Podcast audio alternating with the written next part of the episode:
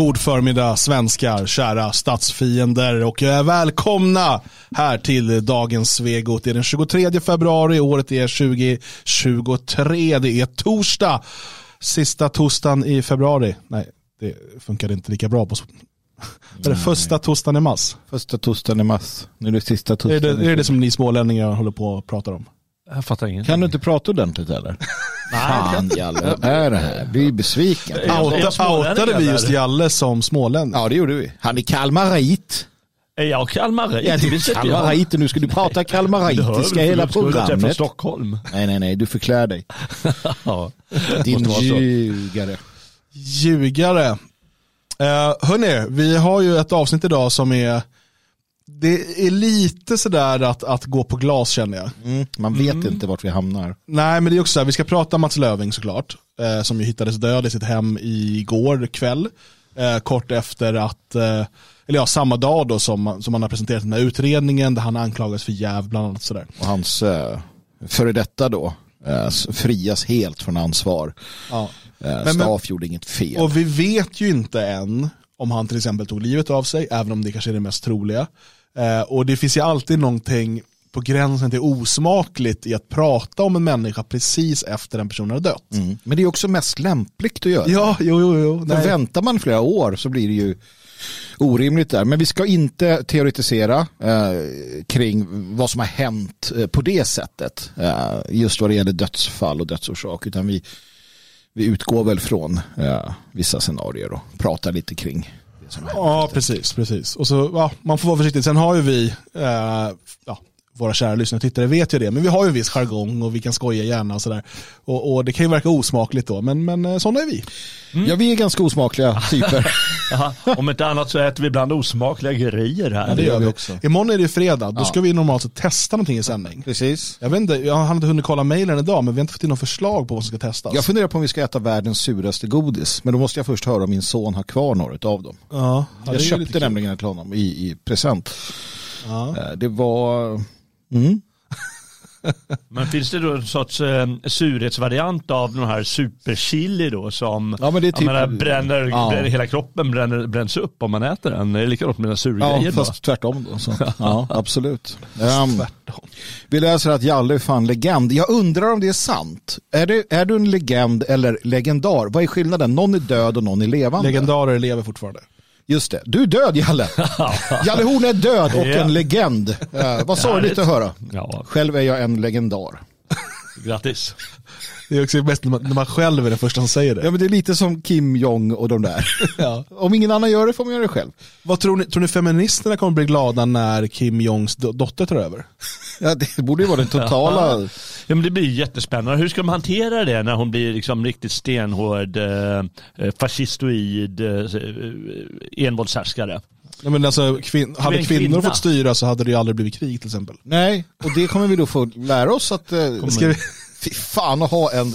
Du vet att ha en, nej, stackars nordkoreaner, ja men det har varit jobbigt hittills, men och, du vet, och, nyckfullheten känner jag. Det skulle ja. kunna bli sådär, försmåddheten. Det blir väldigt spännande. Ja. ja. Vi ska också kolla eh, på lite presskonferenser från Säpo.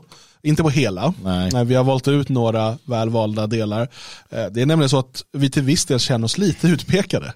Ja, och det är alltid, jag tycker att det alltid är lite, det är lite besvärligt när man ska liksom käfta med Säpo.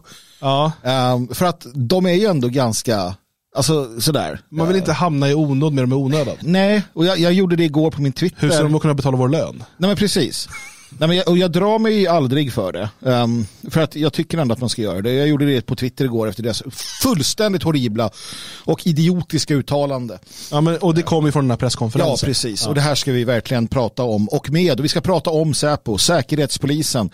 Uh, denna... Försöker du få in triggerord nu som ska komma upp på deras radar bara? Ja, förlåt. Uh, nej, men jag får känslan av att vi uh, pekas ut som statsfiender. Vem, vem hade kunnat tro det? Ja, och, och det kunde man inte tro. Nej, kunde man inte tro. Vi som alltid talar så väl om staten. Ja, precis. Ja. Men vi ska börja med några som absolut inte är statsfiender, utan ja. de är statens nyttiga idioter. Ja. Mm -hmm. eh, och det är eh, ungdomarna i Centerns ungdomsförbund i Storstockholm. Vilket gäng, vilket gäng. Tänk, tänk att de Ehm, alltid lyckas. Jag har inte hittat, hittat namnet på den här personen än. Jag hittade många så här Schlegel, von Knorring och sånt där i mycket styrelsen. Men, men det var, Von Schmegma och ja, de det var så jäkla konstiga namn.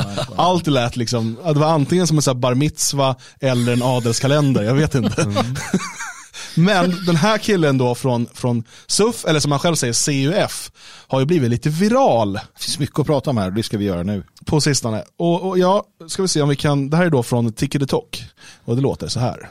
Vill du flytta knarket från gatorna och in i ditt skafferi? Det vill vi i CUF. För idag så är det så att knarket bidrar till en svart marknad och vi vill göra den eh, svarta marknaden vit. Så att ansvarstagande företag kan få pengar istället för att de kriminella gängen får pengar. Det handlar också om att du ska få ta hand om ditt eget liv, för det är din frihet. Vill du ta en rad kokain med farmor på terrassen då och då, då ska du få göra det. Eller vill du använda lite crystal meth för att effektivisera din vardag, då ska du få göra det. Eller kanske ta lite LSD då och då, bara för att komma bort från eländet. Då ska du få göra det, för det handlar faktiskt om ditt liv och din frihet. Om du håller med, gå med i CUF, gilla, dela, ha det så bra. Jag Ja, undrar lite hur mycket eh, crystal meth han har tagit ja han effektiviserar sin, eh, fr- sitt framträdande. Alltså först och främst, det, det mest allvarliga i detta, och nu måste jag bli, bli lite seriös. Mm. Ja, det är ju det faktum att varför i hela fridens namn använder han CUF? Ja, istället för SUF som man alltid har Ja, sagt. det är det som retar mig mest av allt detta. Det är det som gör mig mest in indignerad. CUF, det heter för fan SUF. Ja. Jag alltid hetat det. Ja, och alla förkortningar som kan uttalas ska uttalas NATO, IKEA, NATO. SUF. Ska vi gå med i NATO? Ja, då, precis, men då är det ju en annan sak. MUF, SUF, LUF. VUF. Vad är det? Varje Men, men däremot KDU, det blir inte KDU. Det blir KDU. Det är- ja, ja, och det är i- så i språk Namibia kan man säga fungerar. det. Afrikanska Ja, ungdomsförbundet. men, och det är så språk fungerar. SUF, inte CUF. Nej, okej. Så att det är Men- fruktansvärt. Jag gillar att du, det är, exakt, det är exakt därför det här klippet har blivit viralt. Ja. Inte för att han säger att man ska ta crystal meth för att effektivisera sin vardag. Och det finns ju någonting i, det finns ett klassperspektiv här som jag, jag vet ju ingenting om den här, jag, som sagt jag vet inte om det här var Schlegel eller von Knorring eller vilken av de här det var. Ehm, för de ser likadana ut allihopa. Det är flottigt hår, grav akne och liksom den här uh, mobbade elevrådskillen-looken. Och eh, Oj. Ja, men det, det, är ju, det är ju en väldigt speciell typ av människor som söker sig till den här typen av Ja. ungdomsförbund. Jag tänkte ju säga, men varför slänger man fram den där eh, nollan? Han var men snyggast de de har ingen Nej, annan. nej. Precis, han var bäst av allihopa. Ja. Kyrkans ungdomskör, uttalar man den förkortningen också eller? Ja, Gör det då? nej. Jag säger inte fula ord. Kyrkans ungdomskör? Ja. Men det är tjuk, tjuk, Kyrk? tjuk. Ingenting. ah, nu förstår Säger du kex också eller va? Mm, just Det det, din jävla kalmarit. Eh, Ja. Nej, och, eh, och det finns ju, men det, det här, jag vet som sagt inte vem man är, men jag får känslan av på hur han talar, ja. att han inte är född och uppvuxen i vare sig Tensta, Rågsved eh, eller ens Ronna i Södertälje. Nej, nej, det känns väldigt... Utan eh, eh, jag får känsla av att han kommer ur en, en ganska eh, så här, övre medelklassmiljö, kanske akademiska föräldrar, kanske så här, och, och, eller, eller åtminstone Åtminstone inte från de miljöer som kanske drabbas hårdast av eh, problem med eh, eh, det synliga problemet i alla fall med missbruk. nej. Eh, alltså socialgrupp 3. Och sen så står han där och pratar med det sociolektet. Och, och, och liksom, det är klart det ska få ta crystal meth om det, nej, nej, nej, nej. Och det, blir- det blir bara motbjudande. För, ja, men, ta crystal meth du och håll käften. Alltså, och, och, för att det finns ju ändå, även om nu är det här bara Centerns töntiga ungdomsförbund och så vidare, men att överhuvudtaget säga en sak som att effektivisera vardagen eller ta LSD för att komma bort från skiten. Det är eh, farligt sätt att prata om, om de här drogerna på. Och att det handlar om din frihet och så vidare. Den sanningen är ju den att vi har väldigt många människor i, i Sverige som lider eh, utav eh, narkotikamissbruk.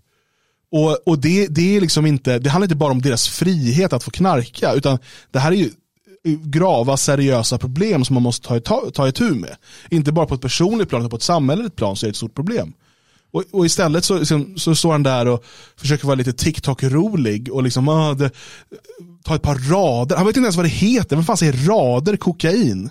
Jag har rört mig tillräckligt mycket i knarkarkretsar de senaste 25 åren. Jag har aldrig hört någon säga en rad kokain. Nej, och det är alla de här som handlar med, med knark i, i gram. Jag har alltid handlat i kilo. Vad Ja, men, det, här, det, det är ju bara...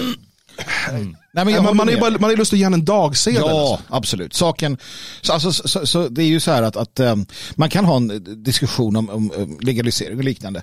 Men som du säger, jag, jag tar rygg lite på SVT, jag tror jag, när jag är Aftonbladet eller vilka jag intervjuar alltså en, en, någon, någon form av professor eller beteendeberoende forskare från Uppsala. Han säger det att det här visar på en stor okunnighet.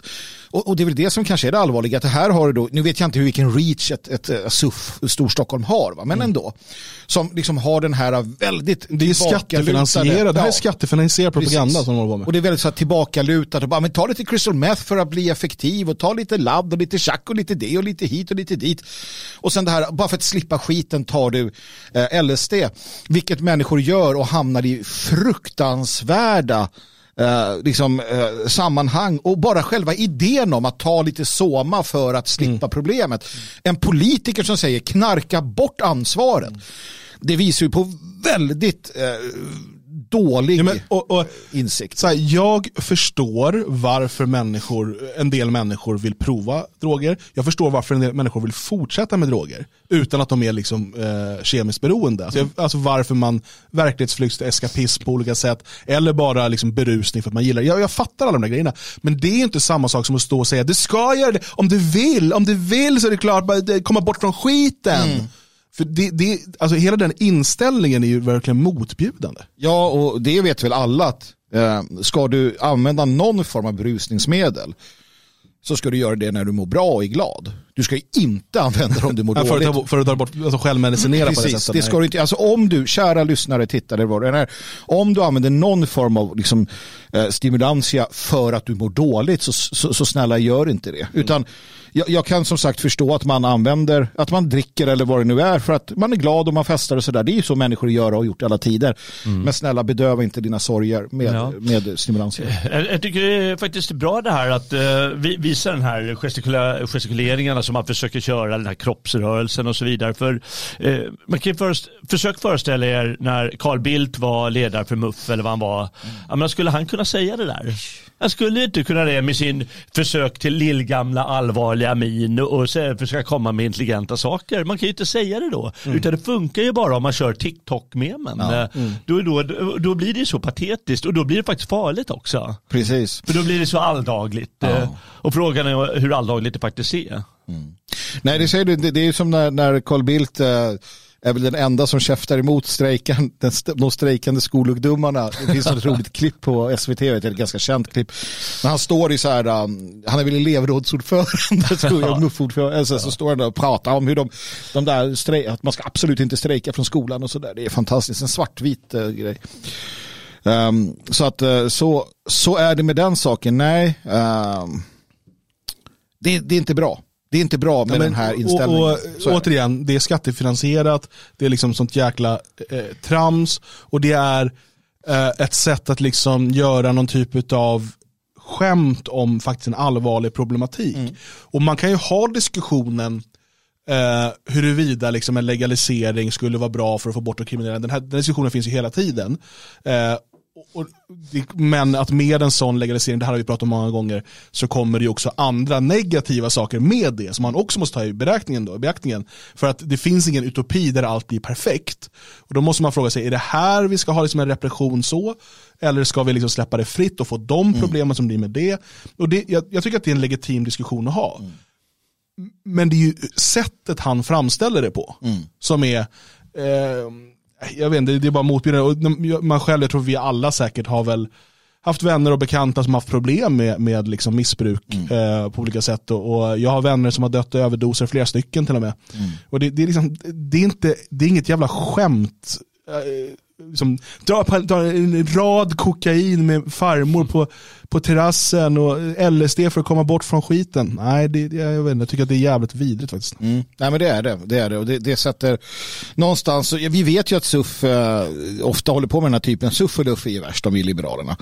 Eh, ibland är det tidelag, ibland är det liksom pedofili och nu är det knark på det här sättet. Men problemet är att man, att man matar ut en, en liksom idé utan att ta ansvar för det någonstans. Så jag, nej, det, det nej, jag, jag, är, jag är emot. Eh, Jalle, är du för eller emot? Crystal meth till, bar, till alla barn. CUF. Jag är emot CUF. Ja, jag tycker att de ska, jag vet inte vad de ska göra med dem, men något måste vi göra med dem definitivt. Det, det visar väl kanske också det här problemet som vi har pratat om många gånger och som jag, jag inte själv såg när jag var yngre. Det är ju det att som ung så ska man ju vara lite försiktig kanske. Med att eh, liksom ta politiska ställningstaganden. Hur kommer han om, om 10-15 år, när han, eller 20 år, när hans eh, dotter säljer sin kropp för att få crystal meth? Kommer han fortfarande tycka att det var en bra idé? Hon, att, att hon effektiviserar sin vardag att med det. Ja, precis. Jag, jag tror att man ska vara försiktig som ung. ja, precis. och du, att du nämner det, just crystal meth, eh, det har ju kommit mer och mer i Sverige. I Tyskland har det varit ett stort problem i, i över ett decennium nu. Och det är en, det är en sån jävla smutsig drog. Ja. Eh, och, och människor som hamnar i det där missbruket, eh, de gör vad som helst för att få skiten. Mm. Eh, och, och i Tyskland, framförallt då i forna Östtyskland där vi har en ganska hög arbetslöshet, människor kanske inte har så stor framtidstro och så vidare, så har ju crystal meth slagit igenom hårt. Mm.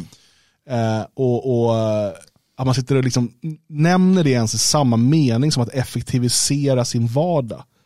Nej, men som ett politiskt Som att det vore en utspel. koffeintabletter. Liksom. Men hade det varit en stand-up eh, så är det en sak. Va? Eller något liknande. Men det här är ett politiskt ungdomsförbund, företrädare för en politisk idé. De är liberaler i grunden, de har politisk makt, de har eh, inflytande i sin egen organisation naturligtvis. Och då, tar, då, då, är det, då får man faktiskt ta lite ansvar för det man säger. Hade han gjort en stand-up på deras eh, grej, absolut, det skiter jag i. Ehm, så att man får se skillnad på de olika sakerna också, vilket folk sällan gör då för att de tar för mycket crystal meth antagligen. Låt oss lämna CUF Ja. eh, och eh, prata om det som är eh, titeln för detta avsnitt och, och det gäller ju då polischefen, eller då tidigare polischefen Mats Löving. Eh, igår så presenterade man ju då den här rapporten eh, angående huruvida han har begått tjänstefel, huruvida han har begå- varit jävig och sådär. Och man kommer fram till att han varit jävig i ett ant- vid ett antal tillfällen när det gäller i hans relation då med Linda Staff. Ehm, och eh, sen så meddelade också då rikspolischefen Tornberg att han skulle kalla in Löving till ett eh, arbetsrättsligt samtal, vilket låter som att han ska få sparken eller omplaceras eller någonting.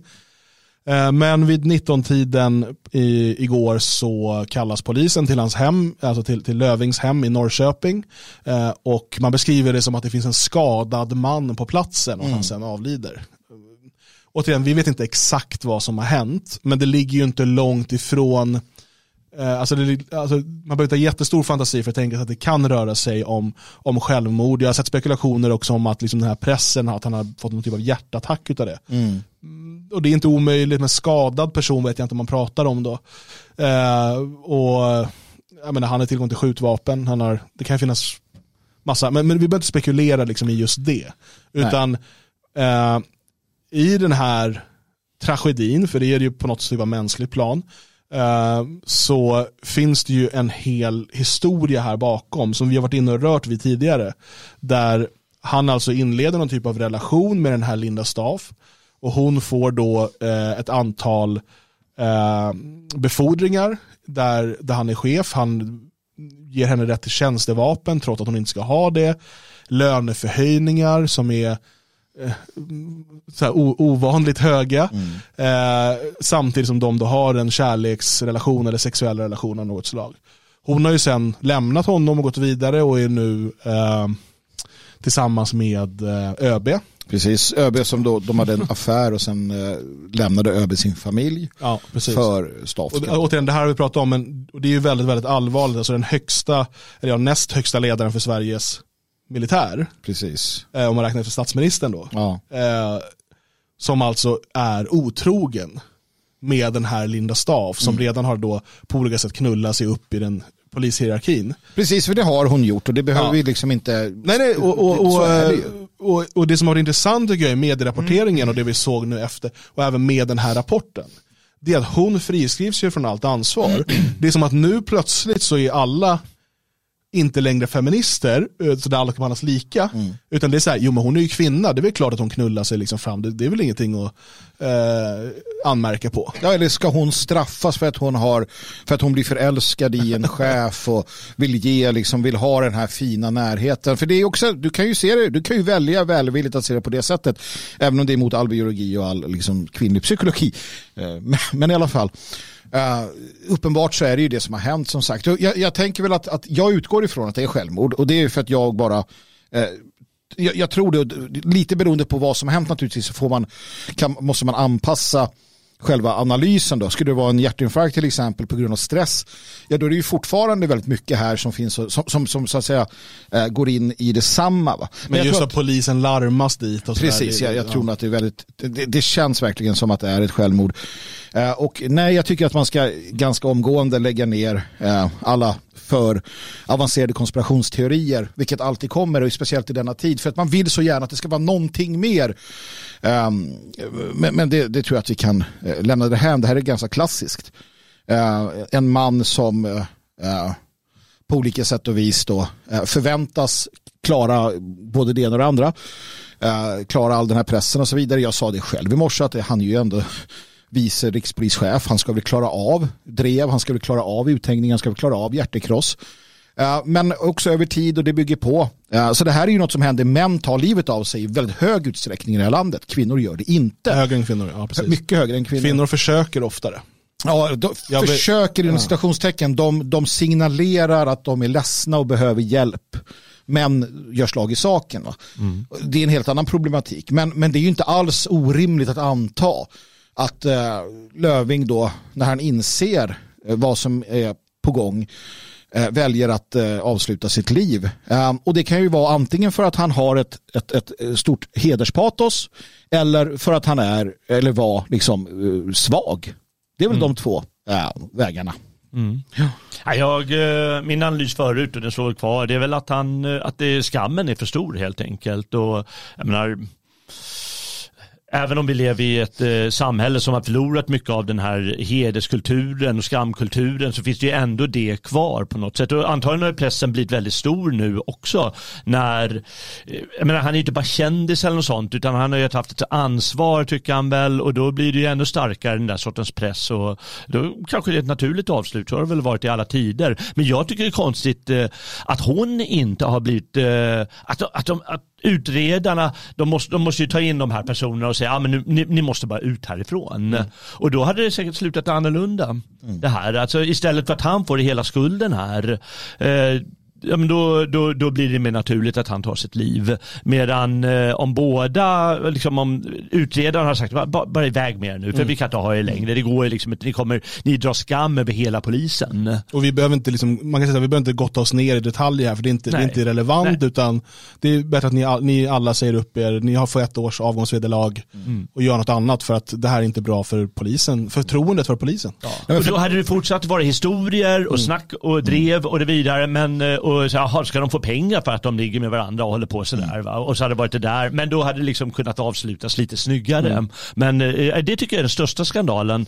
Jag kan ju inte uttala mig om detaljer och sakfrågorna här. Men bara på sikt tycker jag att det känns lite så. Aha, ja, ja. Ja, nej men oavsett då så kan man konstatera att, att eh, polisen då i den här, att man då kom fram i den här utredningen då att allting var hans fel eh, i princip. Det här vi läste om att, eh, att Noah till exempel då är en liksom tummelplats för allsköns jävla eh, liksom incestuösa eh, idéer och tankar och liksom det är fram och tillbaka och det verkar vara liksom allmänt kaosigt och, och maktspel och liksom Game of Thrones och så. Det, det har vi fått till livs. Det, det verkar vara borta. Torn, Tornberg då, eh, polischefen med, med för detta Säpochefen, numera polischefen med partibok, rätt partibok, socialdemokrat kommer undan. Stavskan är helt rent vad. De gick ut häromdagen då och sa det att äntligen så bevisas det att jag har inte gjort något fel. Jag fick jobbet och pistolen och löneförhöjningarna på helt rätt skäl. Det är Löving, denna cuckold som gjorde det här och så vidare. Va? Exakt så sa hon inte. Nej, men, eh, Men det det var, var väl, eh, känslan jag fick. Det var så jag eh, kände det. Och det är det som räknas. Och det är det som räknas. Så kanske Löving också kände det, vad fan. Och så känner man att alla vänder en ryggen. Som de gör. Jag tycker att hela, alltså de borde sparka hela jävla Noah. Förutom Katja Nyberg då, för att hon har väl inte gjort något dumt kanske. Vad är, det, vad är det med dig och Katja? Nej, men hon är SD-politiker och jag tror inte att hon är sån där som dem. Hon har ju larmat för problemen på Noah. ja. Ja, men hon är inte kvar där väl? Nej, det kanske hon inte. Hon är väl riksdagspolitiker? Ja, hon har väl tagit tjänsteledigt. Då. Ja. Men i alla fall, det verkar vara en tummelplats för det där. Så går det ända upp i generalstaben eller ÖB inblandad. Uh, så att jag tror nog att Löfven ska ha känt det då. För om det nu är ett självmord inte att han har, Han kan ju ha snubblat för fan. Han kan ju ha ramlat och slagit huvudet liksom. Och han kanske tänkte gå in och bara, nej nu jävlar skulle han ge liksom Tornberg på nöterna. Men okej. Um, hur den är så slängde de Löving under bussen. Ja. Och, och jag gillar inte Löving. Jag tyckte han var, verkar, han var liksom, det är lite knepigt allt det här då. Men Ja, att slänga han under bussen, vad fan, kom igen nu. Så vi vet ju inte så mycket om honom heller. Hans, huruvida han hade barn eller sådär, ja, det är ju hemligstämplat alltihopa. Mm. Eh, Det går inte att få ta reda på den informationen, vi tittar lite här innan. Ehm, för det finns, ju, det finns ju den aspekten här också. Jag menar, har, lämnar man efter sig barn och sånt så då är jag väldigt svår för den här typen av självmord och sådär. Alltså när, när det, finns an, det finns ju alltid andra människor som drabbas. Liksom. Ja. Ehm, och, men, men finns det Finns det några likheter det här då med Benny Fredriksson? Det kanske bara lite kort kontext då för de som inte minns. Under um, metoo-hysterin så drevades det något oerhört mot Benny Fredriksson som var teaterchef på Stadsteatern. Eh, han var i Stockholm. Ehm, han var teaterchef och, och liksom det gick lite så illasinnade rykten om honom från, från, från kvinnor på hans arbetsplats. Eh, Ingenting som bevisades eller sådär, men att han skulle varit en hård och elak chef. Och, eh, men det var liksom inget sexuellt heller på det sättet. Det var bara så här, men Åsa Linderborg var ju då en av de drivande i den här hetsen mot, mot honom. Ja. Och han tog ju sitt liv, han, han klarade inte av eh, det, det drevet. Nej. Och det där är ju Åsa Linderborg sen, det har varit en vändpunkt i hennes liv förklarar hon det som. Att hon liksom, det var ju en psykos, vi bara alla drogs med, vi kunde inte förstå. Men nej, vi stod här i radion och sa vad som hände. Det är en jävla psykos, sluta med det ni håller på med. Men, men visst, det är väl alltid så, vi ser det men de som är inne i det verkar inte se det. Men, och, och, därför, Benny Fredriksson blev ju en symbol i Sverige för en, en, eh, en, en, liksom en häxjakt som, som gick alldeles, alldeles för långt och där varenda del av samhället hängde på, inte minst media. Ser ni några likheter med Fredriksson och Löving? Jag tycker inte det är så stor likhet. Eh, jag tycker den här, eh, det som jag har sett i alla fall, har varit mycket mer sakligt. Eh, sen har ju alla pratat hela tiden om att hon har, som du sa, knullat sig upp och så vidare. Men jag tycker nog att det här har varit mycket mer sakligt och att vad han har gjort i det här fallet, om han nu har tagit livet av sig, har det varit ett ganska naturligt, vad jag då kallar skambeteende. Medan i, i Fredrikssons fall så var det uppenbarligen något sorts drev, just som drev lätt funkar, att man spär på rykten och att man, att man använder det, att media har varit manipulativa väldigt mycket där på ett väldigt obehagligt sätt. Eh, Även, eh, han kan ju ha gjort en massa fulgrejer, Benny Fredriksson, det vet inte jag. Men, eh, men det är så som jag tycker att det har, liksom, historien har fungerat. Så jag tycker de har varit ganska annorlunda. Ja, sen en, en stor skillnad är väl att, så om, om lite sådär och lite bred pensel, Fredriksson var oskyldig, Löving har de facto gjort en massa dumma saker i, i det här. Eh, och det, det är ju inte helt oväsentligt naturligtvis. Sen, sen finns det ju likheter i det att att det är okej att ge sig på män. Ja, vita män, medelålders män, män i chefsbefattning är, någon, alltså det är toxiskt bara liksom själva existensen. Det, det har ju feminismen sett till. Hela metoo gick ju ut på att ge sig på män. med svepskäl i många fall. Alltså det har ju i princip inte varit några fällande domar eller liknande kring det här. Förutom, om de, förutom på kvinnorna då som angav falskt i många fall. Eh, och, och Benny Fredriksson han var ju, han, det, det är ju en så här klassisk, återigen då, en, en man som inte pallade trycket. Eh, säkert eh, beroende på liksom alla möjliga förvirringar gällande sin egen mansroll och, och samhället och, och allting på grund av att han är uppväxt och befann sig i den miljö han gjorde som är toxiskt feminin antagligen toxisk feminin är alltså det feministiska. Det, det, för det är rätt intressant, finns ju andra människor som har utsatts för drev eh, och, och liksom klarat av det. Jag tänker bara på ett av de senaste stora dreven i Sverige var ju faktiskt mot Chang Frick. Precis. Och det var ju till och med ett, ett världsvitt drev oh ja. där liksom eh, medier och olika påstått eh, oberoende liksom, institut målade ut honom som en, en faktiskt eh, rysk spion. Ja, mm, ja. Eh, och att eh, han liksom levde med dödshot från halva eh, muslimska världen mm. och allt möjligt. Mm. Och istället för att ta livet av sig stod på sig. Mm. Nu kan man ju säga mycket om Chang Frick eh, och vi ska inte ägna för mycket tid åt honom. Men han är samtidigt en, en, en kille som åker raggarbil och liksom har mycket ett, ett, ett långfinger i luften åt allt och alla hela tiden. Ja. Så han brydde sig, det var säkert jobbigt på ett sätt, men han brydde sig samtidigt inte tillnärmelsevis lika mycket som Benny Fredriksson eller Mats Löving gjorde när de var, var utsatta för det. Nej, han tyckte nog att det var lite jobbigt men jävligt roligt. Det brukar man tycka när man hamnar i den där typen av situationer. En annan aspekt här som jag tycker är viktig som man lyfter i chatten faktiskt som vi inte har varit inne på det är också att Uh, efterspelet blir ju intressant att se hur man vrider och vänder på detta. Det finns idéer här om att man kommer börja säga att ja men se nu hur det går när man, när man äh, är för hård mot människor i maktpositioner. Myndighetschefer, poliser, ja. äh, politiker. Vi har ju redan ett narrativ som går ut på, det började för flera år sedan, Sverigebilden. Ni är, är landsförrädare som mål, svartmålar Sverige. Vi kommer komma in på vad Säpo säger. Samma sak här kommer vi få börja höra nu att nej men du ska inte Eh, kritisera för ja, kraftfullt. Du ska inte ge dig på myndighetschefer. Titta Wieselgren, hon blev mördad. Mm. Eh, och nu han tar livet av sig. Vi måste förbjuda kritik ja. av myndigheter. För du pratade om det här med eh, myndighetsansvar eller mm. med tjänstemannaansvaret i, mm. i, i den här kontexten också. Va? Kanske är det det vi får se. Ett drev för att nej, vi får sluta kritisera myndigheterna. Staten ska vara oantastlig. Ja, Fy, jag fruktar den där efterdebatten som du säger av ett enkelt skäl. Att eh, du har din position och det här är givetvis också ett maktspel som ingår i det som du pratade om tidigare. Och eh, då får du ju leva med det och sen så om du blir avpoliterad mm. på något sätt, ja då, får du, då finns det två val. Antingen tar livet av dig för att du tycker att det var för, eh, eh för, för pinsamt alltihop eller så går du vidare. Men istället ska man hålla på och dalta som du säger och hitta på och så ska man inte få kritisera mer för det kan ju leda till det eller det och det ska bli snyfthistorier och så ska då de här tjänstemännen som de blir och politiker och allt vad de är, de ska kunna göra ett säm ännu sämre jobb än vad han gjorde. Och eh, dessutom inte behöva få kritik för det. Nej, fy attan, det blir fruktansvärt om, om eh, det blir efter debatten. Mm. Nej, det är väl inte det är väl inte helt orimligt med tanke på hur, hur debatten liksom ser ut eller hur, hur eh, Säkerhetspolisen med flera nu försöker vrida på saker och ting på ett sätt som är fullständigt barockt. Mm. Ja, eh, igår så publicerade ju Säkerhetspolisen sin lägesrapport 2022-2023 och man höll då ett eh, presseminarium också där man berättar om det här. Och vi ska börja med att titta på, eh, vi har två saker vi vill titta på, men vi ska börja med att titta på vad Charlotte von Essen säger. Mm. Eh, jag vet inte om hon är släkt med den där von Knorring i, i SUF. SUF, hela gänget. mm. eh, och från den här presskonferensen där hon, eh, hon talar ju då om eh, Ja, men vi får se, för, för det här handlar ju då om, om den allmänna lägesbilden, hoten mot Sverige, man pratar Ryssland, man pratar Kina, men också de interna hoten. Mm.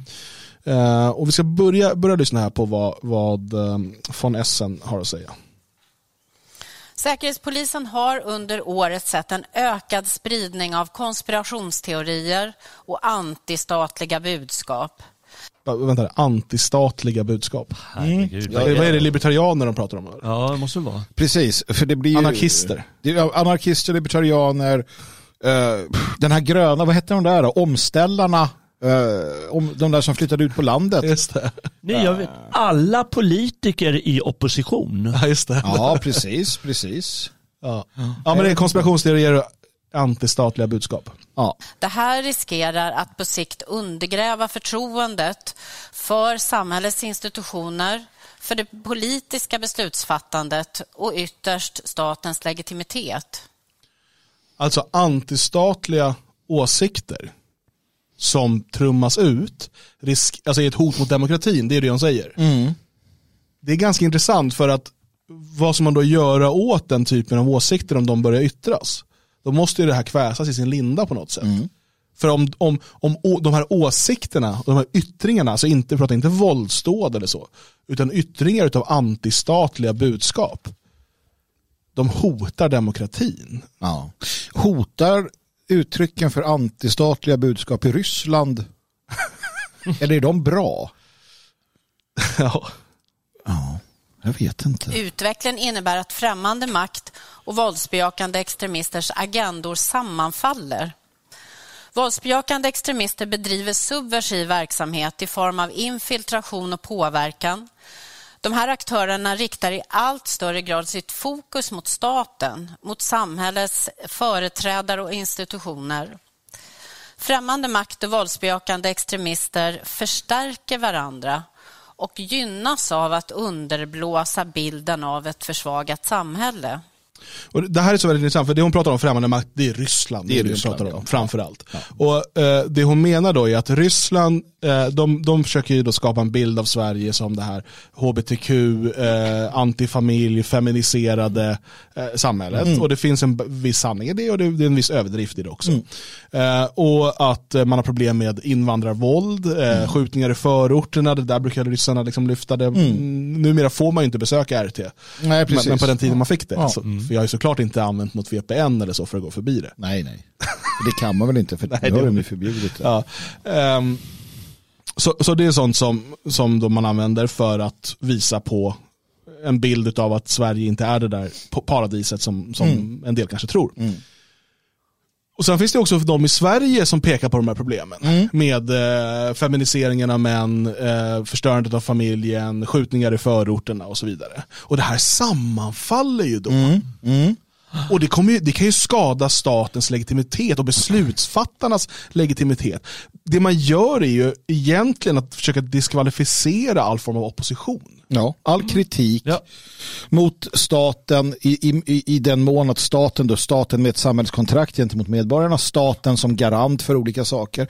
Problemet med RT var ju att de då innan kriget, och man började kunna ställa, det de gjorde var ju faktiskt att åka runt och berätta vad som hände.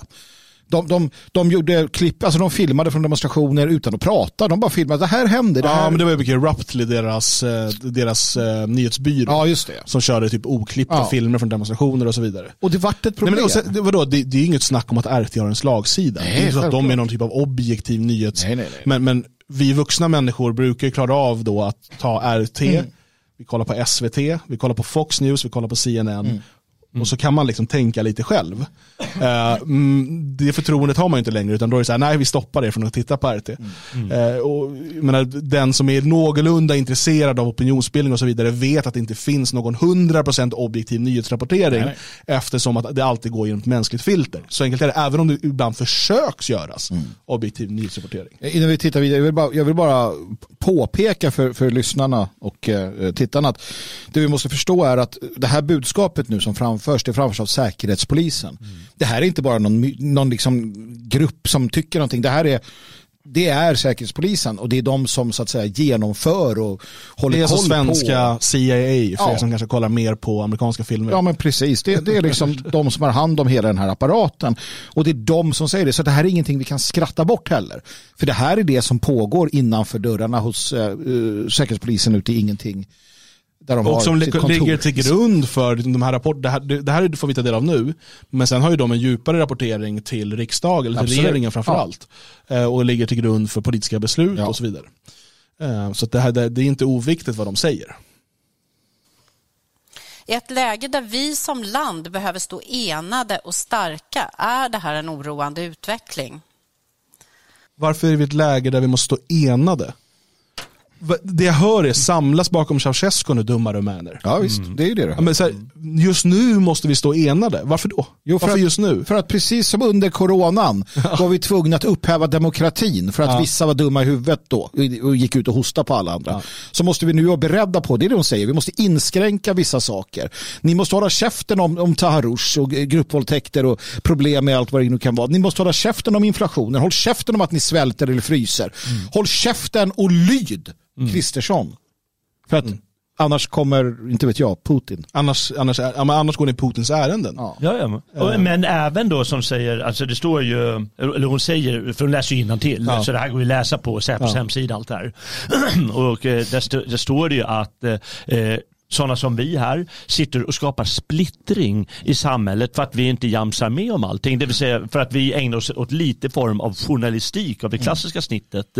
Och det ska man tydligen inte göra. Det hela är ju uppenbara operationer för att stärka statsmakten. Och det står även här i samma kontext att eh, eh, hat och hot mot politiker och journalister som alltså ska gå tillsammans. Ja, de ska tycka samma sak och de ska inte uppleva någon kritik som de kallar hat och hot. Jag hörde, jag hörde eh, Rysslands president eh, Putin säga att man måste enas bakom kriget. Ja, just det. Man ska inte opponera sig mot Nej. regimen. Eh, i, I Ryssland så ska man liksom bara så här, du kan inte, håll inte på att klaga om saker utan nu kör vi och gör det här. Mm. De säger ju samma sak. Och det utgår ju från idén om jag är god, vi är goda. Och alla andra ska då. Och Jag det är så säga- diktaturen kommer. Det står i chatten och det är den naturliga reaktionen här när Daniel säger blir mer antistatlig när jag hör sånt här. När hon håller på och håller en sån här dialog då blir ju människor Ja. som har lite reaktionsförmåga kvar de blir ju naturligt antistatliga för de förstår att här är någonting på gång. Ja. Samtidigt så består det traditionella attentatshotet från våldsbejakande islamistisk extremism och från våldsbejakande högerextremism. Och vi ser också att det ökar. Vad nämnde hon inte där? Eh, våldsbejakande terroristisk vänsterextremism kommer återigen undan de som fortfarande har bankkonton och hemsidor där det står att vi ska med våld se till så att människor som inte tycker som vi råkar illa ut. Man, får, man måste skriva till Avesta Stockholm och säga förlåt jag har varit eh, nationell. Annars så kommer de se det som en legitim måltavla. De har inga problem med vare sig lokaler, konton eller annat. Säkerhetspolisen bryr sig inte. Säkerhetspolisen ser dem som nyttiga idioter för sin sak. Fortsatt. Um, det som har ändrats är att Säkerhetspolisen nu är lite orolig för islam. Vilket de tills för ganska nyligen skett i, i också. ökar i vissa delar.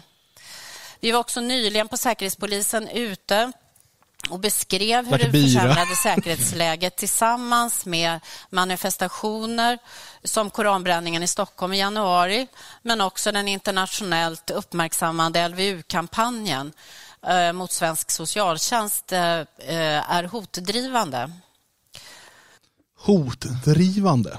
Fina ord de hittar på. Men Hotdrivande. Och det är återigen, det här är ju, uh, skyll dig själv att du blev våldtagen för att du hade kort kjol. Eh, och, precis som vi pratade, Lisa Bjurvald i Salem säger att ni måste förbjuda det för att vänstern bråkar, de får inte de nationella, ska inte få vara där. Eller här, förbjud, nu förbjuder man eh, då de här, eller man ger inte tillstånd till demonstrationer där det ska brännas en koran för att de är hotdrivande. Lös de som hotar då. Men vad blir då nästa steg? Det här är ju nyspråk. Okej, om du då har en, en, en organisation som är i alla, på alla sätt och vis eh, legal men som använder sin yttrandefrihet för att till exempel kritisera staten. Är de då hotdrivande? Och kommer Säkerhetspolisen då omformulera sitt uppdrag och tänka att ja, men vi ska inte bara ta de som är uppenbart eh, liksom är på väg att göra någonting. Eh, för att Säpo får inte övervaka eller undersöka men, alltså, politiska åsikter. Det får de inte. Eh, utan det de får göra det är att titta på människor som är, berä- som, som är på väg att göra något. Och det där kan ju vara svårt såklart. Eh, men om man då säger att nej, men du är hotdrivande, det är ju liksom lite värre än att bara tycka illa om. Och då kanske helt plötsligt så blir Ja, för de kommer också komma till formuleringar nu om vilka grupper som är ett hot mot demokratin. Som kommer ju då ge dem betydligt mer, alltså om det här etableras som en sanning, kommer det ge dem möjlighet att övervaka grupper som inte alls tidigare har kunnat hamna under det nätet. Visst. Och om du, om du lägger ihop alltihop, eh, som de säger, alltså, gränsen mellan extremism och våldsbejakande extremism suddas ut. Och om du lägger till att de säger främmande makt många gånger i det här ligger bakom saker och ting. Då har du eh, då är de som är kritiska mot staten, de är extremister, de är våldsbejakande extremister och de är köpta av eh, eh Kina eller Ryssland. Och då står det längre ner att få använda teknikens möjligheter och ha tillgång till rätt information vid rätt tillfälle är avgörande för att fortsatt förhindra terroristattentat och spioneri. Att de vill ha ökade, som du sa, befogenheter att kunna spionera på folk och att åtgärda de som skulle kunna vara potentiella fiender. Det här är en bekymmersam situation. Vi har också på Säkerhetspolisen sett eh, att eh, attentatshotet har ökat. Eh, hos oss pågår ett ständigt arbete med att bedöma och agera eh, på det ökade antalet attentatshot som vi ser i vårt underrättelseflöde samtidigt som vi gör bedömningar av läget. Terror... Det här var den ena delen jag tänkte lyssna på. Eh, och den andra delen ska jag säga ännu värre. Ja, det är den. Jag, jag, vill bara säga det. Jag vet ju att Säkerhetspolisen tittar på det här. jag vill bara säga att jag, jag tycker det är bra att de, att de hela tiden ser till så att det inte sker terrordåd i Sverige. Mm. Det gillar, ja, det jag vill inte ha sprängningar, jag vill inte ha skjutningar och så. Men jag vill också, kära säkerhetspolis, att ni ja. ser till så att människor kan få tycka och tänka saker. Ja, det är inte ert jävla jobb. Jag vill påpeka en sak när du säger något att det här är faktiskt allvarliga saker. Det var någon som skrev tidigare i chatten vilken snygg peruk hon har. Mm. Och jag undrar, alltså, vad håller de på med? De ska ju komma med något allvarligt budskap. Mm. Och så är det ett par så här, eh, snuttböner, ja, visst med åldern inne också, eller åldern över, eh, som sitter med uppiffade grejer och läser innantill. Ja, men de är ju ungefär som den här TikTok-bögen vi såg mm. förut, pratade om knark på mm. terrassen. Mm. Menar, man får ju inte ett seriöst intryck samtidigt som de försöker säga att det här är jätteviktigt. Ja, vad är det för jävla show? Nu är det så här, eh, Jalle, att det finns många skäl till att kvinnor har peruk. Och ja. de är alla bra. Just det, så var det ja. eh, nej precis. Och just det här, varför kallar man till ett pressseminarium där man står och läser staff, eh, stappligt innantill? Mm. Jag, jag, förstår inte Nej, jag det. Inte kan du, texten finns ju redan på hemsidan. Det är ju så här, kom och lyssna på talboksvarianten. Det är inte ens det, det är en, då, alltså, en talbok, då gör man ju en omtagning om det blir fel. Ja men då är det väl eh, hjärntvätt, det är väl propaganda då? Och det är vad vi ja. misstänker att det är. Ja. Låt oss lyssna på vad eh, Susanne Trehörning har att säga. Namnen alltså. Indra. Samtidigt som Säkerhetspolisen ser hur dessa i viss mening traditionella attentatshot består kan vi också konstatera att ett bredare, mer långsiktigt hot mot demokratin blir allt mer framträdande. Vi ser i våra informationsflöden individer som uttrycker en vilja att på olovlig, olovlig väg förändra det demokratiska statsskicket. Det handlar många gånger om individer som i grupper eller nätverk. För bara säga så, hon sa alltså inte olaglig, hon sa olovlig. Ja. Mm. Mm. Jag menar att det finns en skillnad i de två orden. Mm. Ja. för hon skulle först säga olaglig men ändrade sig. Mm. De är väl inte helt... De, de är ja, för, inte för helt, är det olagligt så kan man ju gripa någon. Ja men det är väldigt juridiskt. Det fanns ju olovlig kårverksamhet. Ja, jag, bara till ja, säga, men ändå, jag tror att de har problem själva med att veta exakt vad de håller på med. Faktiskt. Det handlar många gånger om individer som i grupper eller nätverk samlas kring ett narrativ som handlar om att samhället inte klarar av sina uppgifter. Alltså, alltså, alltså, poliskris, vårdkris, kriskris, ja. försvarskris, eh, det är kris, det är ett allvarligt läge. Eh, samhället klarar inte av att eh, stabslägen, samhället själva säger att de inte klarar av sina resurser eller klarar av att göra det de ska. Det är inte ett, liksom, bara ett narrativ vilket som, det är sanningen Ja. Din lilla hoppa. Ja, alltså vad som händer här, det, det här är det obehagliga Och här kommer man till manipulativa kommunistiska regimer som de har uppträtt mot sin egen befolkning. De, det står i media att eh, det är kriser som du säger på den ena verksamheten efter den andra. Det läser vi dagligen och då blir man skeptisk mot eh, de statliga funktionerna. Vi uppmanas att ha proviant i källaren ifall, ifall det blir en större kris. Och sen när vi gäll, säger att det är dåligt med de här institutionerna och vi har proviant eh, i, i källan och förbereder oss för krisen, då ska vi bannas för det. För se, se, ser du vad som pågår? Ja. Det är väldigt, väldigt obehagligt ja, det, det. Eh, det, här. För att, för att alltså, demokrati och, och, friheter och sånt, det funkar alldeles utmärkt så länge systemet funkar. Mm. Men när systemet inte längre mäktar med, då är och då inser de att det är problem. Yttrandefrihet är ett problem, åsiktsfrihet är ett problem, organiseringsfrihet är ett problem. Allt det som de en gång i tiden stod för är numera ett problem. För att Säkerhetspolisen står för en sak, staten, jo, ingenting annat. Vad som händer är att de har sagt att du ska stå mm. upp för mm. någonting viktigt här och sen när du gör det, då ska du upp, eh, pucklas på. Mm. För att de, de, kan inte hantera det faktum att, att deras system inte mäktar med. Och då inser de att fan det är en svaghet. Det vi har sagt var en styrka är ju en svaghet. Demokratin är en svaghet när du måste fatta snabba beslut. Det är därför man inte röstar i operationer. Men det är också att, att de samlas bestämma. kring ett narrativ om att staten inte klarar av sina uppgifter. Det, det, det är ju väldigt intressant formulering för att det är väl så all opposition fungerar återigen. Att man samlas kring det att ni klarar inte av jobbet, vi skulle göra det bättre. Och då är det ett hot mot demokratin. Att en samhällskollaps troligen kommer inträffa eller behöver inträffa. En samhällskollaps kommer med 100% säkerhet inträffa. Ja. Frågan är när. Ja. Eh, Det kanske är om 500 år, men det är klart att den kommer. Så funkar världen. Absolut. Menar hon att det aldrig kommer det ske? är det Det, MSB det är därför för. vi har Säkerhetspolisen och Ja. liknande organisationer. Det är för att ja, men, förhindra de här kollapserna som kommer naturligt. Ja, och MSB säger förbered er på i princip samhällskollaps i händelse av en, en allvarlig kris eller ett krig. Och att samhället då inte kommer kunna hantera den situationen. Det här tror de dumma anser människorna. den här gruppen eller nätverket att de behöver ta ansvar för och bygga upp en alternativ samhällsstruktur. Till exempel en parallell ordningsmakt. det, det- det, här är viktigt. För det vi märker också nu, och det, det pratade vi om tidigare, det är att de lägger saker bredvid varandra. På, på 90-talet, 2000-talet början, då sa, man alltid, då sa man alltid i samma mening pedofiler och nazister. Det var det man sa hela tiden, det var narrativet från systemet. Nu blandar man hela tiden, ja men du behöver bygga upp en alternativ, liksom ett nätverk och så.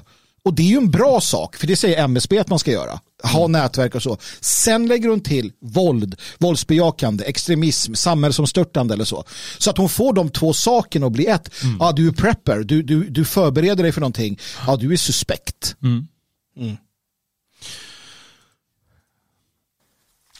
Det innebär att de här aktörerna anser att de behöver öka sin förmåga att infiltrera verksamhet för att komma nära beslutsfattande.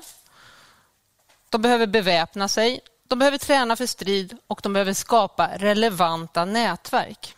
Återigen, vilka är de här? Vilka är de här? Ja, jag till exempel tycker att man ska göra karriär inom myndigheter, inom företag, eh, där du kan komma in och påverka. Idag sitter vänstern och påverkar. Jag tycker att våra, vårt, vårt, våra gossar och eh, vad är, det, gummor eller något ska in och, och, och, och finnas där så att våra idéer finns med. Absolut. Men ska jag vara helt ärlig så är ju i stort sett känner jag bara till det fria Sverige som talar om att vi ska bygga alternativa samhällsstrukturer och för att staten med tiden kommer dras undan från landsbygden och inte klarar av det. Det här har vi pratat om i många, många år. Muslimerna till exempel pratar inte på det sättet. Nej. De, visst, de bygger sina alternativa strukturer, eh, sin liksom sharia-polis och så vidare, men inte för att de tror att samhället kommer kollapsa. Nej. Utan för att de inte vill vara en del av samhället och de vill liksom sköta sitt eget. Så vilka är det hon pratar om här? Ja, jag känner mig utpekad. Ja. Men vi är också väldigt noga med att man inte ska eh, formera, formera kårer. Man ska inte ägna sig åt vapenträning, stridsträning, liksom leka militär. Det ska vi inte göra. Ehm, och, och det är väl också det som är problemet för dem. Vi har inte gjort det. Men det är också, det, det, och det jag vet att Säpo har koll på, det är för att vi har varit väldigt tydliga med att eh, vi ska vara helt transparenta med vad vi gör. Ja. Vi ska fungera som en helt vanlig förening, vi har helt liksom på exakt samma sätt som, som vilken förening som helst. Eh, och det finns liksom inga hemligheter. Nej. Och därför den här Sveriges Radio-journalisten som följde oss ett år gav upp, för det Ja. fanns inga hemligheter att avslöja. Eh, och, och det här vet Säpo om, men de vet också om att det fria Sverige har varit det mest framgångsrika projektet Mm. i den så kallade nationella rörelsens moderna historia. Mm. Vi har lyckats nå människor som vår rörelse aldrig nått tidigare. Vi har lyckats eh, bygga upp ett medlemsantal som vi aldrig har varit i närheten av tidigare. Och vi har lyckats bygga upp liksom ett, en, en legitimitet lokalt där, där vi verkar, inte bara i Elgarås utan på andra ställen också. Vi har människor eh, på positioner i samhället på olika sätt som är medlemmar och eller sympatisörer. Eh, och det här vet de om. Och det är det som, som de är så himla rädda för, för då pratar de ju om att jag tror inte om hon säger det här senare eller om hon redan varit inne på det, att, att det här kan omvandlas till något annat sen. Och det är så intressant för vi har ju valt verkligen, vi har varit tydliga med att vi, vi, vi liksom vad vi tycker om terroristdåd och massskjutningar och alla de här sakerna, att det, det är liksom förkastligt, idioti och eh, liksom ja, alla de här sakerna, vi har pratat om det flera gånger. Eh, och vi, att man inte ska slösa bort sin tid på att liksom slåss med poliser eller med vänsterextremister eller vad det nu än är. Utan fokusera på att göra bra saker där du bor, starta företag, bli en positiv kraft där du bor eh, och, och, och, sådär.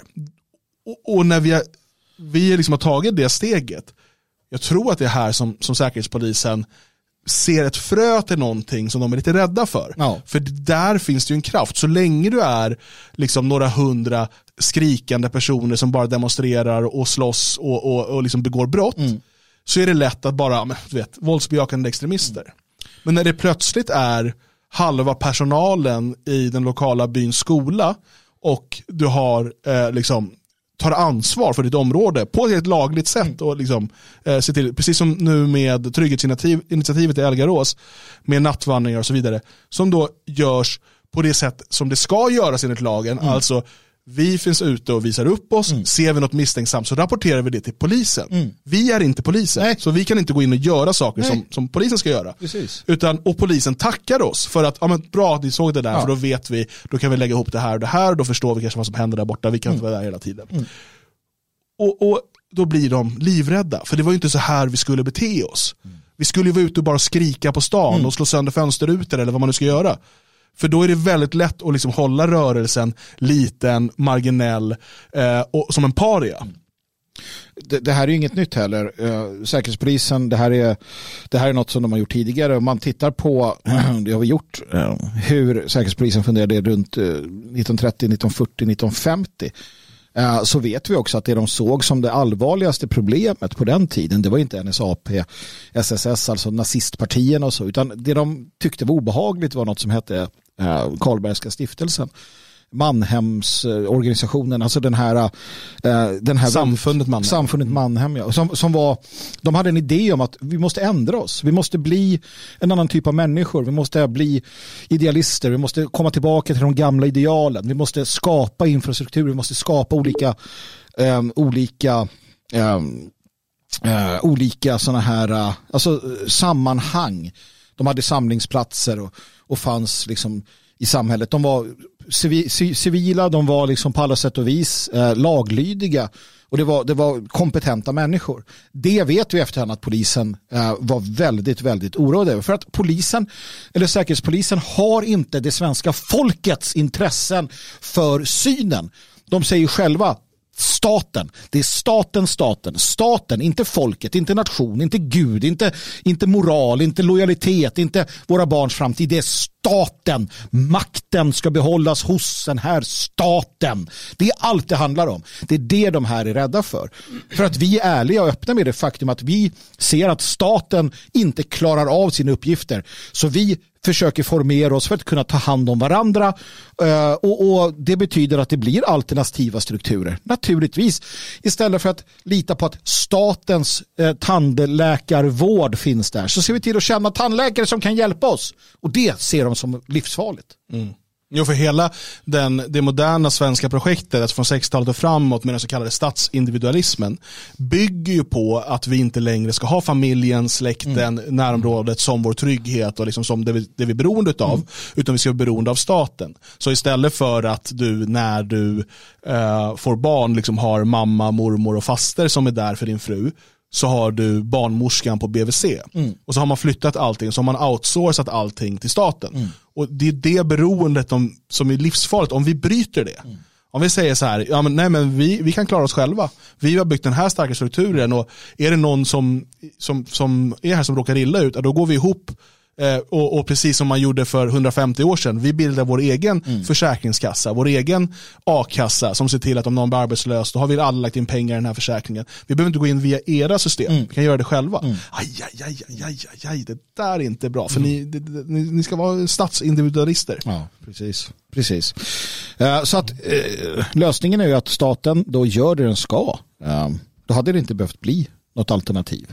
Mm. vi lyssnar vidare nätverk där vissa personer som ingår delar den här ideologin och det här tankegodset medan andra individer utgör så kallade nyttiga idioter. Det vill säga, de utnyttjas utifrån den funktion som de har i samhället och egentligen inte medvetna om det egentliga syftet. Snacka om att man då, om det nu är, riktar sig, liksom om man ska ta det här James Bond-skurktänkandet så här, ja okej okay, nu har en eh, kille här gått med, han, äh, det är så jävla dumt. Um, det är det här att de tror alltid ont om alla. Liksom. Och det är väl lite Säkerhetspolisens roll naturligtvis. Um, men uh, man känner ju sig främmande inför hela det här. För jag vet ju att vi är en av de aktörer de ser som, som statsfientliga. Jag vet ju det. Mm. Och då blir det så absurt någonstans. Uh, vi har ju sagt det många gånger. Att, uh, vill, de, vill de något så de kan komma hit. Ta med mm. hela, kan skicka hit sina liksom, agenter och sitta och ta en kaffe och snacka skit. Mm. Man skapar relation till dessa individer till exempel genom föreningsliv, klubbar eller privatlivet. Mm. Vad annars? Ja. vad, vad, vad, vad, har vi mer för ja, Det är ju misstänksamt det där ju. Ja. Föreningsliv. Lär du känna människor? Kanske till och med engagera sig lokalt i den lokala fotbollsföreningen. Nej, det kan jag inte tänka mig. Det, borde ju det bör man ju inte göra. Kanske sjunger en kör i kyrkan. Fy fan dessa. Och pratar med folk under kaffet också. Nej. De ska runt med hakorsflaggor och skrika hemskheter verksamheten som bedrivs är många gånger inte omedelbart våldsbejakande men in, utgör inte desto mindre ett potentiellt allvarligt hot mot de, de, vår demokrati och säkerhet. Du vet ju inte ens vad du säger. Ja, men, men lyssna, men lyssna på vad hon säger. Det här är väldigt intressant, mm. för hon har pratat då om att folk äh, bygger, bygger nätverk, mm. Mm. de kanske har föreningar och klubbar eller går med i föreningar och klubbar och ja. liksom lär känna folk och ja. sådär. Uh, och, alltså, egentligen bara saker som är normala och, och ofta ses som bra. Ja. Uh, liksom engagera sig i civilsamhället. Ja. Mm. Men och, och, och vad är risken då? Den verksamheten som bedrivs är många gånger inte omedelbart våldsbejakande men in, utgör inte desto mindre ett potentiellt allvarligt hot mot de, de, vår demokrati och säkerhet. Varför då? Om den inte är våldsbejakande, ja. varför utför, utgör den då ett potentiellt hot mot vår demokrati? Ja, låt, mig, låt mig ta det som ett exempel. Alltså jag, jag, såg en, en film från USA, heter Red Dawn handlar om ett kommunistiskt kinesiskt anfall mot, mot USA. Den är ganska rolig. Där utvecklas en eh, ett, de heter typ eh, Rävarna eller Vargarna eller någonting. Det är ett mm. amerikanskt fotbollslag tror jag det är. Som då med ungdomar eh, som organiserar sig i en självförsvarsmilis i samband med detta. Och det jag tänker är att hon menar att om människor umgås och skapar band till varandra och har vissa, som kanske en auktoritet i, i som du har en idrottsförening, då kan det i förlängningen under väldigt allvarliga situationer utvecklas att de människorna tar hand om varandra och då skapar någon form av militärt liknande rörelse för de får vapen i händerna. Mm. Det är det hon menar att, att kafferepet kan bli något för kärringarna är beredda att hugga ihjäl någon som skad, försöker skada dem. Ja, det kan hända. Ja, och sanningen är ju den att eh, revolutionära rörelser ofta har liksom börjat som ett kafferep. Precis, och därför måste man förbjuda kafferep. Det är det nej, men, nej, nej, alltså, det är inte ett skämt. Alltså, det jag menar är att det är ju eh, när människor har mötts, det kan ju vara i kyrkan eller, ja, ja. eller på andra sätt där man liksom har och, och så kommit samman att så här, fan det här är ju fel, det här borde vi göra någonting åt. Och så blir man fler och fler. Eh, för att det är klart, människor som träffas är ju livsfarligt för då kan de ju konspirera. Mm. Och, och, vad som är extra skrämmande, om vi hinner höra det vet jag inte, men hon kommer ju komma till ett eh, fall, mm. ett potentiellt fall, mm. nämligen en ung man som går och pepprar. Mm. Nej, och då, så, mm. då är meningen att den som lyssnar på det ska eh, lägga ihop två och två, eller ja. vadå? Föreningsverksamhet, peppring. Ja. ja, vi får se. Den här typen av antistatliga fenomen och trender är vi inte ensamma om i Sverige. Vi har närtid sett exempel på när antistatliga krafter blandas med konspiration... Får jag bara säga, hon kan inte ens betona Nej. orden rätt. Antistatliga? Alltså det är som att hon inte ens har läst texten innan. Och jag förstår inte varför de kallar till det här presseminariet. Men det här är väldigt nytt. Det här är väldigt nytt. Antistatligt. Det här är nog första gången vi hör det ja, på det här sättet. Det, det. Så det här är, de är inte är vana vid det här. Hon trodde hon hade koll. Mm. Vi har närtid sett exempel på när antistatliga krafter Antistat. blandas med konspirationsteorier och extremism och våldsbejakande extremism. Jävla där man också... soppa. Alltså, men... soppa ja. Hon fick, hon fick ihop allting på en alla gång där. En, alla, alla i en. Inte bara soppa, hon hade saltgurka i halsen. ja. Det också. och extremism och våldsbejakande extremism där man också har gått från ord till handling. Även om det är svårt att dra tydliga paralleller till händelser i andra länder och skeenden så sker det alltid i en nationell kontext. Vi ska inte tro att Sverige är immunt mot den här typen av utveckling. De här idéerna och tankegodsen finns även i Sverige. Vilka exempel menar du? då? En stor utmaning för. Säkerhetspolisen, även när det gäller Nej, men om du tar sådana här idiot, så här vidriga eh, terrorister, eh, Tyrant, vad fan han hette där nere i Nya Zeeland, eh, Bering Breivik i Norge. Var de antistatliga? Hade de organiserat kafferep? ja, men liksom, vadå? Eller vadå? Alltså, hade, de- har de liksom suttit och ha, varit positiva förebilder i sitt, eh, i sitt område och, och engagerat sig i föreningslivet? Och Och sen, Sällan de där knasbollarna liksom har varit just eh, så här föredömen. Nej men precis, tvärtom så har det ju ofta varit kufar som har suttit inne liksom vid datorn och, och, och kanske varit jävligt populära på 4chan. Ja, men- Ungefär. Ja, men alltså, precis. ja, vilka exempel menar hon? Nej, men hitta, ku, hitta de Menar hon men, pratar hon om IRA? Ja, du menar IRA? Ja. Alltså för hundra år sedan? ja fast det, Pratar hon om Michael Collins? Kanske Michael Collins. Eller kanske typ George Washington. Ja, ja, ja men det är så jäkla... För han var ju extremist. Ja, ja, ja Han var dessutom ju antistatlig. Så in i helvete våldsam. fan vad han, han eh, inte respekterade kronan. Alltså. Nej, inte ett dugg. Han bara, vi ska, ta, vi ska avkronisera kronan, sa han. Fan. Eller han kanske... En stor utmaning för Säkerhetspolisen, även när det gäller den här typen av långsiktiga subversiva hot mot demokratin, är att fånga Långsiktiga subversiva hot. Men det gäller ju under, om, om hon säger att vi har ett generationsperspektiv på det här, då blir jag rädd på riktigt. För vi pratar ju om långsiktighet. Och som du sa, om 500 år kanske, vem vet vad som händer? Och ja, vem, vem vet? Vi har ju till och med sagt någon gång att vi vet ju inte hur den här föreningen ser ut om 200-300 år. Nej. Men det, och det, det, det jag menar, de säger långsiktig subversiv verksamhet. Och det de säger, den är inte farlig just nu. Nej, nej.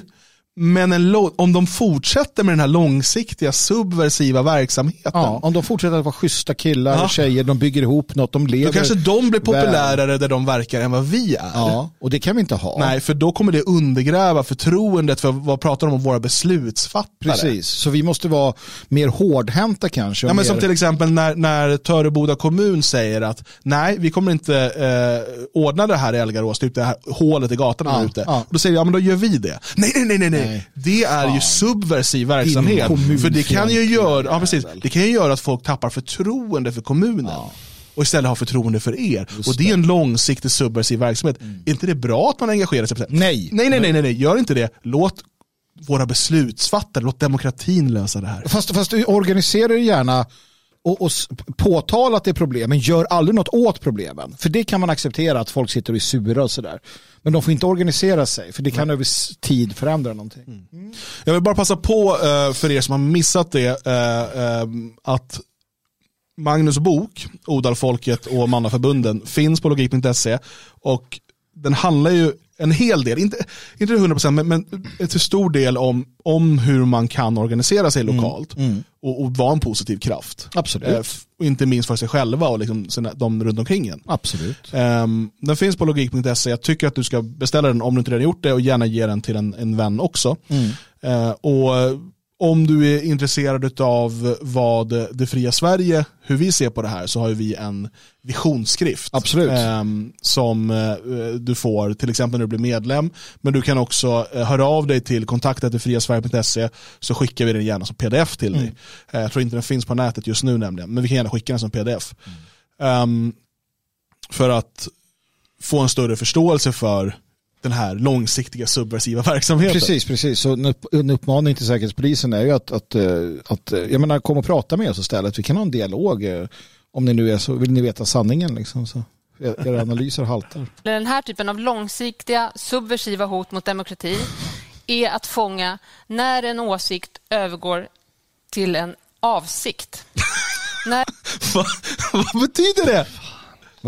När en åsikt övergår till en avsikt, alltså när du går från ord till handling är det jag Ja, menar. det är det jag menar. Men vadå, ord, alltså, så när du inte bara sitter och säger att jag vill göra bra för mitt lokalsamhälle, utan du också börjar göra det.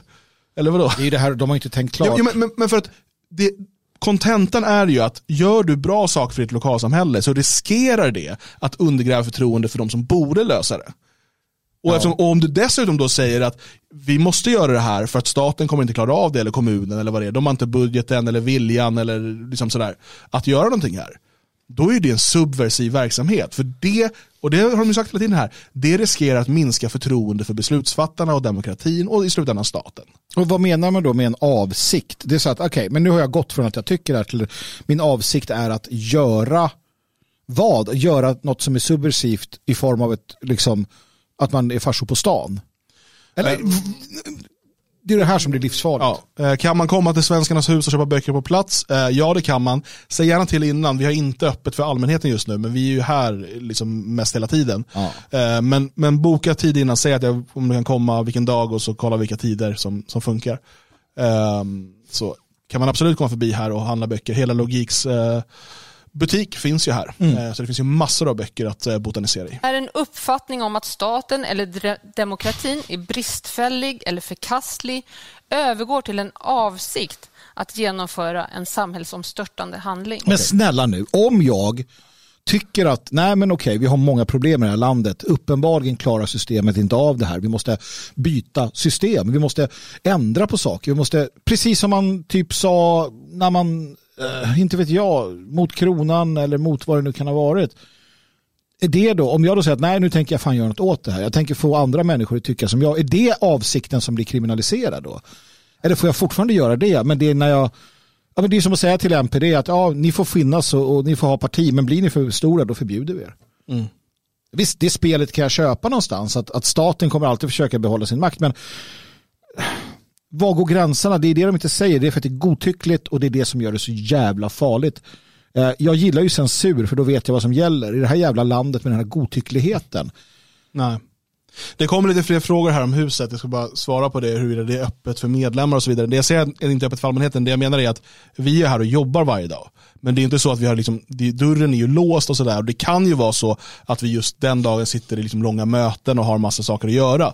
Så det är bäst att höra av sig innan. Ja. Så att man inte åker hit och knackar på och sen har inte vi ändå tid att liksom ta hand om dig. Utan mejla på kontakt.friasverige.se eh, och säg jag, jag vill komma imorgon, eh, liksom, går det bra? Och till 99% säkerhet går det bra, men gör det innan så slipper du problemen med att, inte, eh, att vi kanske är bortresta eller att vi är upptagna med annat. Mona skriver här i chatten, Säkerhetspolisen pratar väl om islam som är på väg att ta över Sverige. Ingenting av det de säger låter som hur eh, islamisterna arbetar. Nej.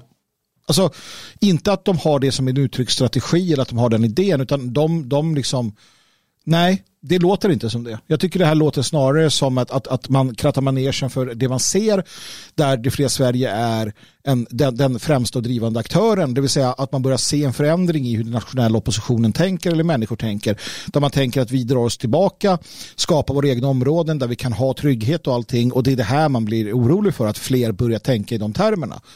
Eh, Det är det jag det är det jag känner. Jag, jag, ser, jag känner mig utpekad utav Säkerhetspolisen. Faktiskt. Det kom också en fråga här eh, till Logikförlag hur det går med nyutgivningen av Till mina legionärer. Eh, och det arbetas på den kan vi säga. Mm, det gör det. Eh, så att jag hoppas den kommer ut i år. Ja, det hoppas jag också. Det hoppas vi alla.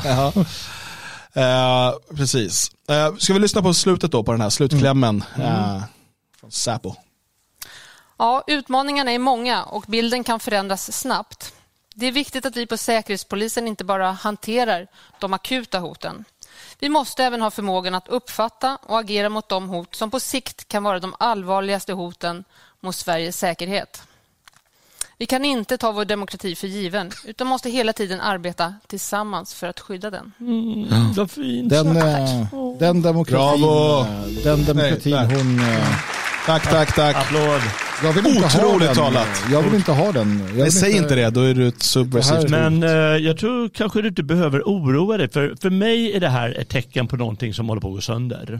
Alltså hela den här dåliga showen som det faktiskt är frågan om med någon som läser till och inte som saltgurka i halsen och inte vet vad hon talar om och använder nya konstiga ord som ingen har sagt någonsin i det här landet. Det kunde ju vara ett tecken på att nu vill vi ta över stramare och hårdare och så och det är säkert också. Men mer, eh, vad ska jag säga, eh, organiskt är det ett tecken på någonting som verkligen håller på att gå sönder. Mm. Annars skulle de inte hålla på så här. Eh, tänk säkerhetspolisen som den fungerade kanske på 60 och 70-talet. De syntes ju aldrig. Nej. Varför skulle de göra det för? Det är inte deras roll att nej, synas. Nej. Utan det är att jobba i det tysta och så vidare. Men nu vill de synas. Mm. Nu vill de, och nu vill de komma och kläcka ur sig tomma ord som demokrati som man använder i mm. var och varannan mening som då inte betyder någonting längre. Eller våldsverkande ek e-, extremism och hot och hat och, och allting som de sagt om och om och om mm. och om igen som blir betydelselöst till slut. Det betyder ingenting. De, de är odugliga, de är de här, värdelösa, de har gått sönder. De här pekpinnarna. När blev Säkerhetspolisen en pekpinnemyndighet? Ja. Som så här, så här får man inte göra och så här får man göra. Precis, presskonferensen känns Nej. desperat. Mm. Ja, de är desperata. De vill ha uppmärksamhet, eller mm. vadå? Mm. Ja, och sen är det väl att eh, man får allt svårare att hålla ihop det här samhället. Eh, man får allt svårare att, att liksom få en, en övervägande majoritet att liksom ställa sig bakom staten och statens värdegrund och idéer och så vidare. Och, och det är ett resultat av eh, mångkulturaliseringen. Alltså, och, och, och det i sin tur har slagit sönder gemenskapen, inte bara mellan svenskar och, och liksom invandrare mm. som inte kan hitta den, den liksom gemensamma grunden i en större utsträckning, utan också mellan svenskar. Mm. För att vi har, ingen, vi har inget eh, som säger, ett nationellt projekt, en nationell identitet att samlas kring. Vad är det vi, vad är det vi bygger här tillsammans? Vart är vi på väg? Vad, vad är målet? Vad, vad, är det som ska få mig att motivera mig att liksom ställa mig bakom den här staten, att betala den här höga skatten och så vidare. Och, och, man försöker nu skapa de här nya idéerna om att vi gör det för att vi är en humanitär stormakt. Mm. Oj, oj, oj. Eh, och, och jag menar, propagandan som man har haft tidigare har ju fallit på punkt efter punkt. Vi har inte världens bästa sjukvård. Vi har inte världens bästa skola. Vi har inte världens renaste gator. Vi har inte världens tryggaste gator. Alla de här sakerna som, som man ofta har hävdat om Sverige eh, har ju antingen aldrig varit sanna eller att åtminstone inte de, är de inte sanna längre. Och, och det blir allt mer tydligt för människor i och med globaliseringen faktiskt. I och med människors, äh, många svenskar som bor utomlands och kan rapportera hem att äh, vänta, vänta, äh, man har fungerande sjukvård här, den fungerar till och med bättre och skatten är lägre. Mm. Äh, vänta nu, hur kan det hänga ihop? För mig var det ett wake-up call att flytta utomlands och bara oj, allt jag fått lära mig om Sverige verkar inte vara sant. samtidigt som du också har då människor som kommer från helt andra samhällsstrukturer, kulturer, klankulturer och så vidare som kommer till Sverige och möts av den här statsindividualismen som de absolut inte kan förstå eh, och liksom ser några fördelar med. Eh, och framförallt så känner de ingen som helst gemenskap eller lojalitet till vare sig stat eller kung eller folk i det här landet. Eftersom att det inte är deras stat, det är inte deras kung, det är inte deras folk. Och då har man det här problemet och Säpo ser ju att, att det är en helt annan situation idag än för 30-40 år sedan. Och så blir man så här, ah, men då, och, och, och, så ser man att allt fler då engagerar sig till exempel i det fria Sverige. Och, och, och vill istället då inte längre vara beroende av staten. Utan vi säger bara, men vi vill låt oss vara i fred. Vi bygger, vi bygger själva, vi gör det själva det vi kan. Och nej, det där kan på lång sikt vara subversivt. och så där låter en statsfiende. Själv så ser jag inga problem med Sverige. Sverige mår bra. Svenskarna har det bättre än någonsin. Skatterna är lägre än någonsin. Vi har ingen kriminalitet. Varje dag så går människor tjoande och kimmande till sina arbeten. De arbetar produktivt och har det väldigt bra. De tar också eh, olika droger för att bli effektivare. Det har SUF sett till. Alla, eh, alla, alla meddelanden om att Sverige är dåligt måste upphöra det är ju så de vill att det ska låta. Jag tittar ibland för att jag tycker det är ganska kul och skrämmande på Nordkoreas, nordkoreanska tv-utsändningar. Det är så de kräver att det ska låta. Mm. Allt är bara bra. Den stora ledaren um, vet bäst. Ulf Kristersson och regeringen har återigen fattat fantastiska beslut och väglett oss som folk, vi dumma människor. Um, vet de själva vad de, vad de är arkitekter för för framtid? Jag vet inte. Uh, men uh, det är synd om människorna. Mm. Vill du vara statsfiende med oss? Gå in på detfriasverige.se och eh, engagera dig i det svenska folkets intresseförening. Eh, kom gärna här till Svenskarnas hus, som sagt hör av dig innan så tar vi gärna emot dig eh, och se vad vi håller på med här och passa på att handla i Logiks massiva boklåda. Eh, har du inte läst den än, införskaffa Odalfolket och Mannaförbunden, eh, skriven av den här Magnus Öderman som mitt emot mig. Den kommer behövas nu det, när vi hör de här tongångarna från Ja, och Säkerhetspolisen. passa på innan Säpo förbjuder den. Ja, ja, visst. Det är en statsfientlig bok Eh. Se till att ha den i ditt, eh, i ditt hemmabibliotek. Den finns på logik.se. Det finns massa andra böcker där också. Men eh, den här ska du passa på att beställa idag så att du kan läsa den lagom i början av nästa vecka. Ska vi ta och avrunda där? Vi är tillbaka imorgon. Vi ska ha ett progr- ett program då också. Precis, det har vi. Och då är Imorgon har vi veckans sista program. Imorgon är klockan, är klockan, imorgon klockan 10. Imorgon klockan- Imorgon klockan 10 har vi veckans sista program. Vi sänder live på eh, YouTube bland annat, men också på Odyssey och D-Live. Och vill man köra bara radioversionen så kan man ju lyssna via Spreaker. Tycker du om det här programmet och vill ta del av alla våra program, fem stycken i veckan, då blir du stödprenumerant på svegot.se support. Där finns det tusentals timmar utav poddar att ta del utav. Du kommer inte hinna lyssna på allt, men du får sålla och hitta det du tycker är mest intressant. Vi är tillbaka imorgon och det är du också. Ha det bäst, ha en fin torsdag så hörs vi snart igen.